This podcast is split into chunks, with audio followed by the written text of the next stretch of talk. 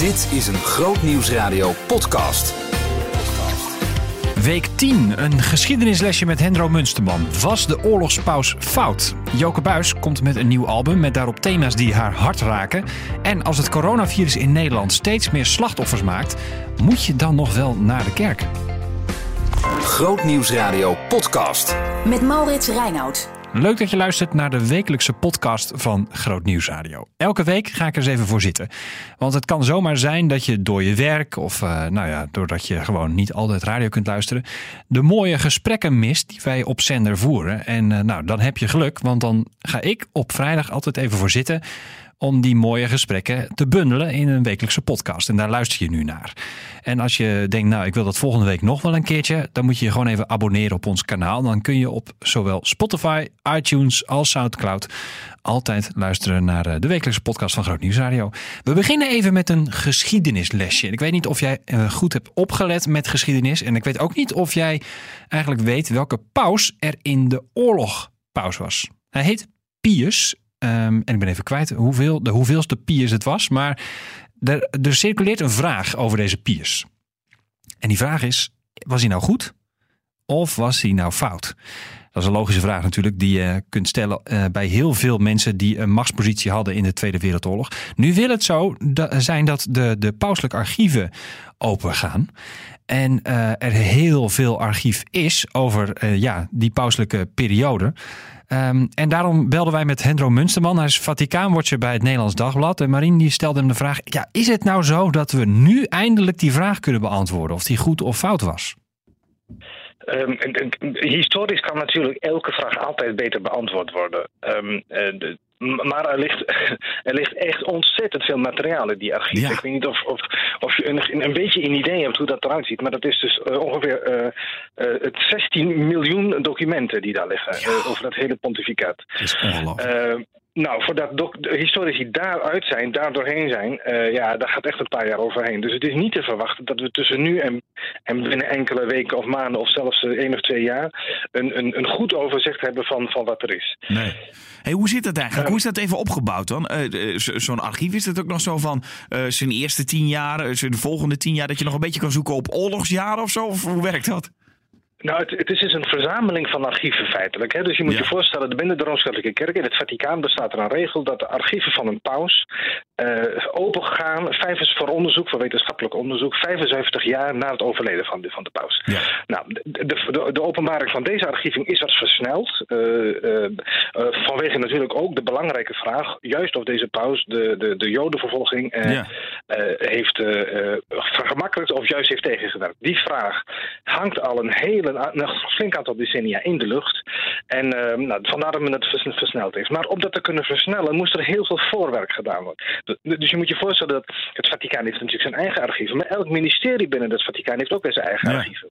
Dan zijn er alle archieven van de verschillende nunciaturen. Dat zijn de ambassades. Je weet, dus het Vaticaan is eigen staat. Ja. Dus die heeft ambassades in allerlei landen. Mm-hmm. Nou, voordat dat allemaal bij elkaar terechtgekomen is. En allemaal gerangschikt is. En, en goed op dezelfde wijze ook, zeg maar, gearchiveerd is. Nou, daar is jaren overheen gegaan. Yeah. Um, en, en dat is dus nu ge, uh, uh, echt gelukt. En vanochtend zijn de eerste onderzoekers ook, zeg maar, 150 onderzoekers hebben zich gemeld al. Er zijn er 150 mensen aan de slag binnen die archieven daar. Mm-hmm. En iedereen krijgt toegang, dus uh, je hoeft ook niet katholiek te zijn of gelovig.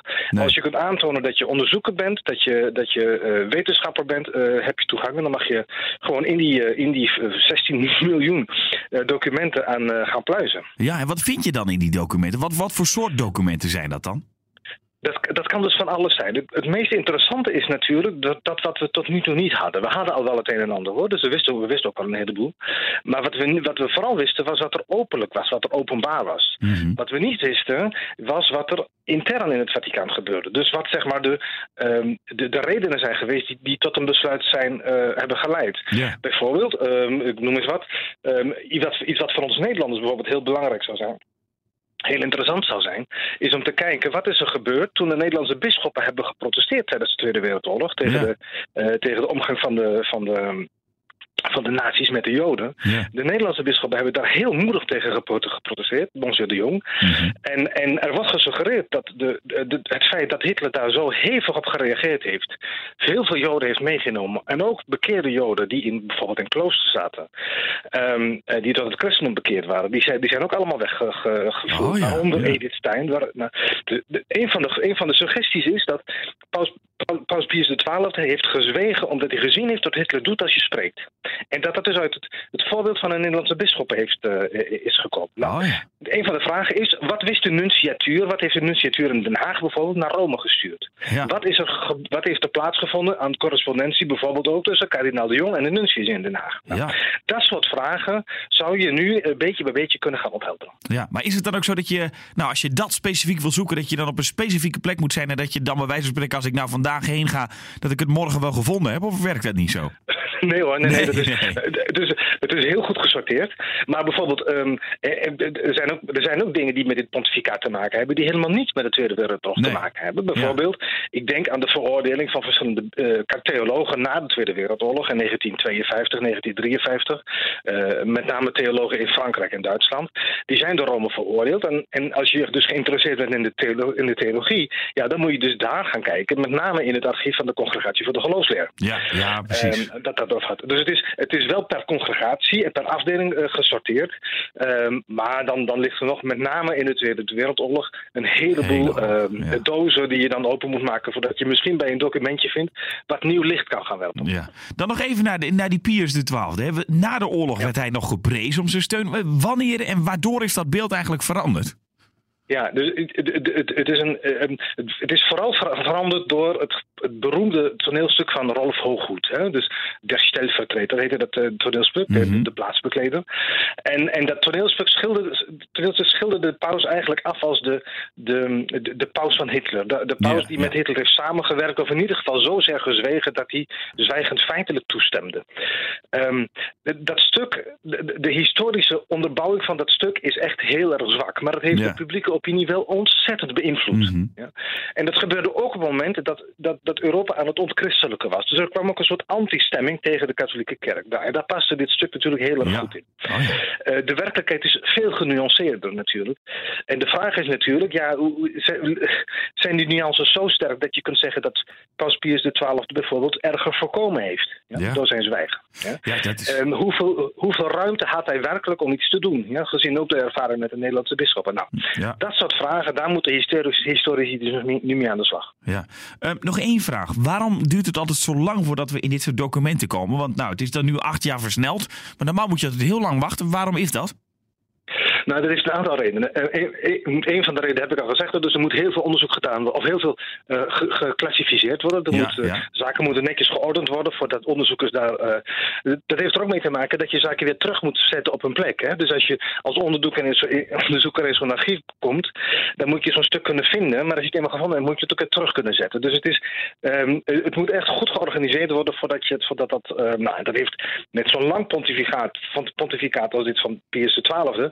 Ja, heeft dat gewoon heel veel tijd gekost. Een, ander, een ander punt is dat dit natuurlijk ook al voor een deel gaat over mensen die nog leven. Hè? Ja, ja, die, hier, hebben, hier hebben mensen meegewerkt, dus hebben mensen in, de, in, in, in nunciaturen gewerkt of in het Vaticaan gewerkt. Nou, dan moet, men probeert echt om, om mensen buiten de wind te houden, want niet iedereen heeft zijn eigen heeft, ze, heeft zo goed gereageerd als misschien wel uh, nodig was. Dus het heeft ook met privacy uh, te maken, oh, die gewaarborgd wordt. En feitelijk gebeurt het in, in, in andere landen ook. Hè? Dus in elk land, elke staat heeft zo zijn termijn ja. Van ergens tussen de 70 en 100 jaar. Waardoor, zolang die, uh, die, die documenten uh, gesloten blijven. Dus dat is helemaal niet uitzonderlijk hoor. Nee, dat nee. ik aan het. Nee, en, en nu maar afwachten hè, wanneer de eerste onderzoekers komen met nieuws natuurlijk. Ja, ja, nou, en enerzijds zeggen de mensen, de waarnemers die zeggen, uh, reken nou niet met heel veel, uh, heel veel uh, nieuws. anderen zeggen, ja, maar het zou zomaar zijn dat Paus Pius XII die hier beter uitkomt dan dat we tot nu toe dachten. Hè? Oh, ja. De wind is aan het draaien. Hè? De wind is aan het draaien. En we zien bijvoorbeeld ook een aantal Joodse mensen, Joodse mm gelovigen, die al sinds een aantal jaren juist erg pleiten voor Paus Pius XII. Oh, omdat hij uh, duizenden, honderden en misschien wel duizenden Joden in Rome heeft gered van, de, van, de, van, de, van transport naar Duitsland. Nou, dus uh, als mensen nu iets zeggen over Pius XII, dan kan het zomaar zijn dat het veel meer zegt over hun eigen zicht op wat de katholieke kerk is, wat een paus is, Mhm. wat Pius XII is, dan dat ze werkelijk ook met, met de historie van de, met de geschiedenis van deze paus, eh, eh, ehm, eh, dat ze er, iets, er echt iets van af weten. Ja. Bedankt uh, Hendro Munsterman, want nu weten we natuurlijk ook dat het de twaalfde Piers was.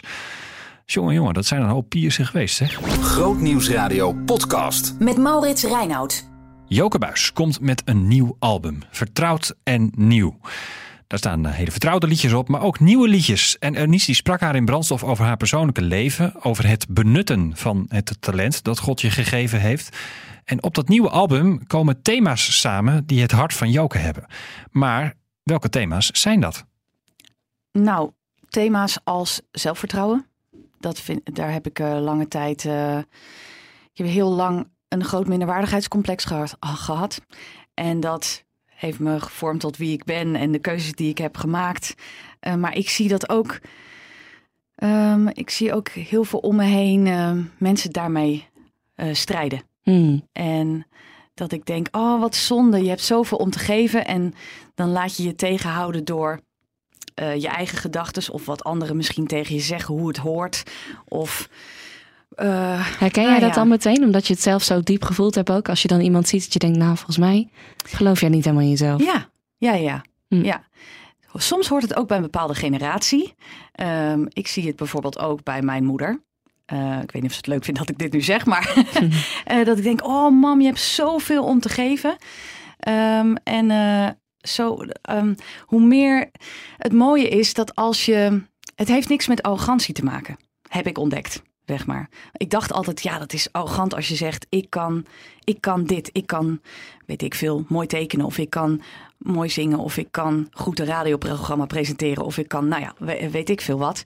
Um, dat, dat geeft alleen maar glans aan dat talent. Waardoor als ik zoiets zie, dat ik zie, zie dat iemand in zijn kracht staat, denk ik, wauw, wat, dat geeft zoveel glans. Uh, dat uh, maakt dat ik alleen maar denk, wauw, vader, mooi dat u dat heeft gemaakt. Mm. Ik, het keert zich, als ik dat zie, uh, naar God toe. Ja.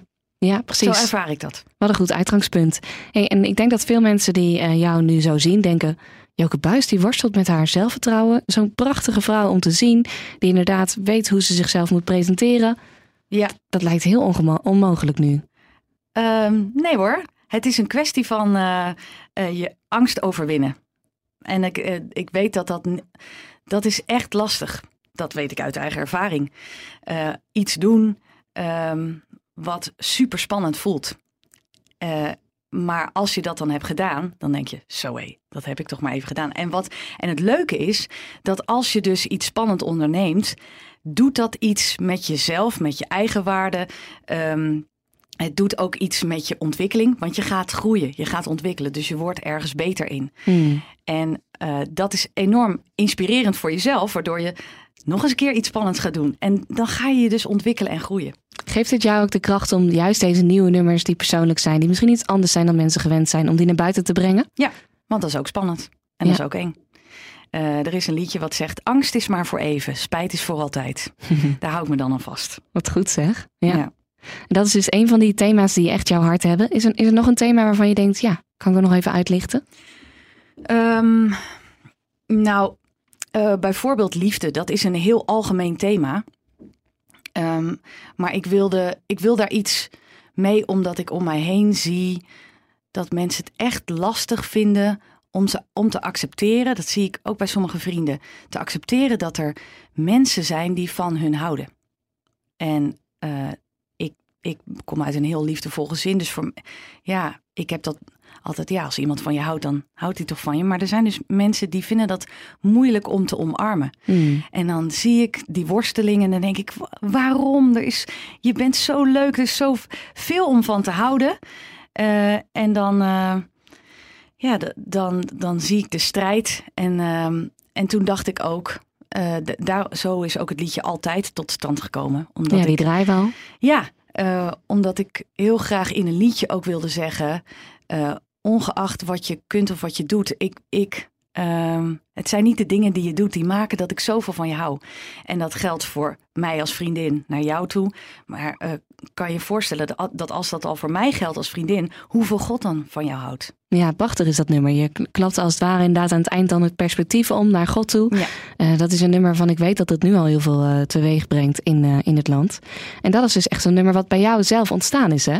Ja. Ja. ja. Ja, super tof. Die titel, Vertrouwd en Nieuw, dat is uh, natuurlijk heel pakkend. Was die er meteen? Um, uh, nou, ik heb, ik, ik, heb er natuurlijk wel over nagedacht. En ik heb een paar titels opgeschreven. En al snel kwam ik bij deze titel. Dat ik mm. dacht, oh, dat is leuk, want uh, daar zitten zoveel laagjes in. Er zit um, oud in, Um, want ik heb wat oude liederen uit uh, die 100 jaar oud zijn, heb ik opgefrist en hertaald naar het nu. Uh, daar zit nieuw in, want ik heb eigen nieuwe liedjes gemaakt. Daar zit vertrouwd in, want het geluid is nog steeds vertrouwd. Ik ben het die het zingt. Het is, het is, nou ja, het is mijn verhaal. Um, en vertrouwd linkt ook naar het thema vertrouwen, waar ik net over vertelde. Um, dat dat eigenlijk de, teruggaat naar de kern waarom ik ooit ben begonnen waarin God, God zei in een droom tegen mij: vertrouw op mij. Dus dat linkt naar vertrouwen. Mm, mooi. Je hebt het al over die, eh, die oude nummers die je hertaald hebt. Naast nieuwe nummers, waarom vind je het belangrijk om juist oude nummers te blijven zingen? Omdat daar uh, waarde, omdat ze waardevol zijn, omdat ik als ik ze zing, ervaar ik, uh, ervaar ik dat het door zoveel andere monden is gegaan, zeg maar, in, met vallen en opstaan. Het herinnert mij aan uh, schouders waar wij nu op mogen staan. En uh, uh, dat. Um, het herinnert mij aan mensen die ook honderd jaar geleden ook worstelden met, nou ja, met hun geloof misschien wel, met vallen en opstaan in pieken en dalen van hun leven, er toch voor kozen om dit lied te zingen of om, om te blijven vertrouwen op God. En dat emotioneert mij altijd. Ja, hoezo? Ja, dat weet ik niet. Ik, ik laat ze iemand tegen mij. Je hebt iets met herinneringen, hè? Toen dacht ik, ja, dat klopt, ja. Ik heb iets met herinneringen. Ik weet niet dat, dat daar zit waarde in, daar zitten lessen in voor mij. Uh, dat herinnert mij aan, um, in mijn geval, mijn opa en oma, die, die uh, altijd vasthielden aan, aan, aan God. Mm, en, ja. dat, dat, en mij, nou ja, ik denk daar regelmatig aan terug. En muziek helpt mij ook daaraan terug te denken. Ja, ja muziek heeft die gave om net als met geuren je echt letterlijk in dat moment terug te plaatsen. Hè? Ja. ja. En het mooie is dat uh, van nu mijn nieuwe single, Laat Alles Los. Daar, ik wilde heel graag ook een soort oud element daarin verwerken. Wat mensen ook terug herinnert naar hun kindertijd misschien wel. Uh, en dat zit in het einde verweven ja, die oude elementen, dat is dus wat we eigenlijk ook wel kunnen verwachten van je nieuwe nummers. De thema's die daar, daarin zitten. Je bent iemand die um, nou, de diepe dingen weet te verwerken. Wat kunnen we nog meer van je nieuwe nummers verwachten? Is het weer met een hoop blazers erbij? Daar word ik altijd erg blij van. Ja, ik ook. Um, ja, Mochten ze weer meedoen? Uh, ja, nou, de komende maanden komen er wat optredens aan met de blazers ook erbij. Dus dan Kijk. heb ik een XXL-band. En daar ben ik heel, heel blij mee. Um, ja, ik hou daar heel erg van. Dus dat zal waarschijnlijk het vertrouwde element uh, in mijn uh, komende nieuwe liedjes blijven. Um, in, de, in, uh, in april ga ik met een intiemere band zeg maar, op pad. Dus dan gaan de blazers niet mee. Maar dan... oh, wacht even. Dat zeg ik niet goed. Gaat één blazer mee. Oh, okay. Thomas, mijn, mijn vast bandlid. Um, maar ik hou heel erg van dat, van dat geluid. Hmm. Vind ik erg mooi. En ja, wij, wij hebben altijd gekeken naar wat heeft het liedje nodig? Dus als wij een liedje hebben wat vraagt om uh, wat groter arrangement met blazers, dan komen die erop. En vraagt het alleen maar om een gitaar, omdat er niks meer nodig is, is het ook, uh, dan, dan wordt het dat. Ja, we hebben ook uh, muziek gedraaid natuurlijk van het nieuwe album. Dat kun je beluisteren op grootnieuwsradio.nl slash gemist. En je kunt op onze website ook terecht om het hele interview terug te luisteren. Grootnieuwsradio podcast. Met Maurits Reinoud. Laurens besprak in uh, Laurens Lunchroom met Gertjan van de Wetenschap een aantal stellingen over het coronavirus. En eentje kan in het weekend nog wel eens uh, van pas komen. Dan stelling 3. Het is niet nodig om grote mensenmassa's zoals kerksamenkomsten te mijden om besmetting te voorkomen. Nee, klopt. Je kunt gewoon naar de kerk blijven gaan. Het coronavirus verspreidt zich via handcontact en via hoesten en niezen. Uh, dus wordt wel aangeraden om ook in de kerk of in de mensenmassa een beetje uit de buurt te blijven bij mensen die veel hoesten of niezen. Uh, het RIVM die raadt daarvoor een straal van 1 meter aan. Nu vond ik het wel interessant om te zien dat de PKN die heeft adviesrichtlijnen opgesteld. Uh, daarin raden ze onder andere aan om geen handen te schudden tijdens de dienst bij, bij de groet of ook niet uit dezelfde beker te drinken met het avondmaal. Mm Um, dat zijn ja, voorzorgsmaatregelen, daar valt wat voor te zeggen. Uh, het RIVM zegt overigens dat je wel gewoon handen kunt blijven schudden, maar je moet wel je handen vaak wassen. Dat wordt sowieso heel vaak aangeraden. En uh, je moet er niet mee aan je neus, mond of ogen gaan zitten, want dat zijn de plekken waarop dat het virus uh, binnenkomt en je lijf verlaat.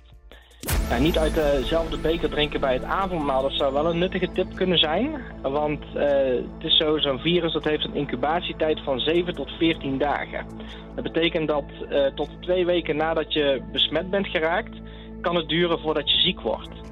En nu is het wel zo dat in die periode de kans op overdracht ook heel erg klein is. Het, het verspreidt zich vooral door hoesten en niezen.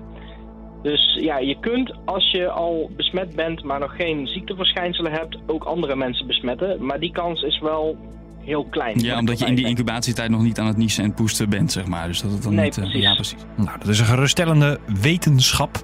Je kunt gewoon naar de kerk en ook gewoon zonder mondkapje. Komende week op Grootnieuws Radio. Er is nogal wat aan de hand als het gaat over seksualiteit, gender. Daar wordt veel over gediscussieerd in deze maatschappij, vooral door volwassenen. Maar wat vinden tieners daar nou eigenlijk van? Hoe kijken zij bijvoorbeeld naar homoseksualiteit? Ja, dat zijn toch vragen die aan bod komen in het gesprek met Arjet Borger. Dinsdag 10 maart om kwart over acht in uh, de Nieuwe Morgen is zij als studiogast uh, beschikbaar om daarover te praten. Daar zijn we heel blij mee, want het is een belangrijk onderwerp. En uh, ja, de Tweede Kamerverkiezingen zijn nog ver weg, maar er wordt toch ook wel stiekem al een beetje campagne gevoerd hoor. ChristenUnie gaat op een regiotour, dus we gaan eens even bellen met de ChristenUnie Gertjan Segers. Ja, is het, is het al een campagne te noemen? Nou ja, goed, dat moeten ze onszelf maar vertellen. Leuk dat je luisterde naar de wekelijkse podcast. Ik ben er volgende week vrijdag weer. En als je dat automatisch wil krijgen, die podcast, abonneer je dan gewoon even op dit kanaal. Doeg! Behoefte aan meer? Grootnieuwsradio.nl slash podcast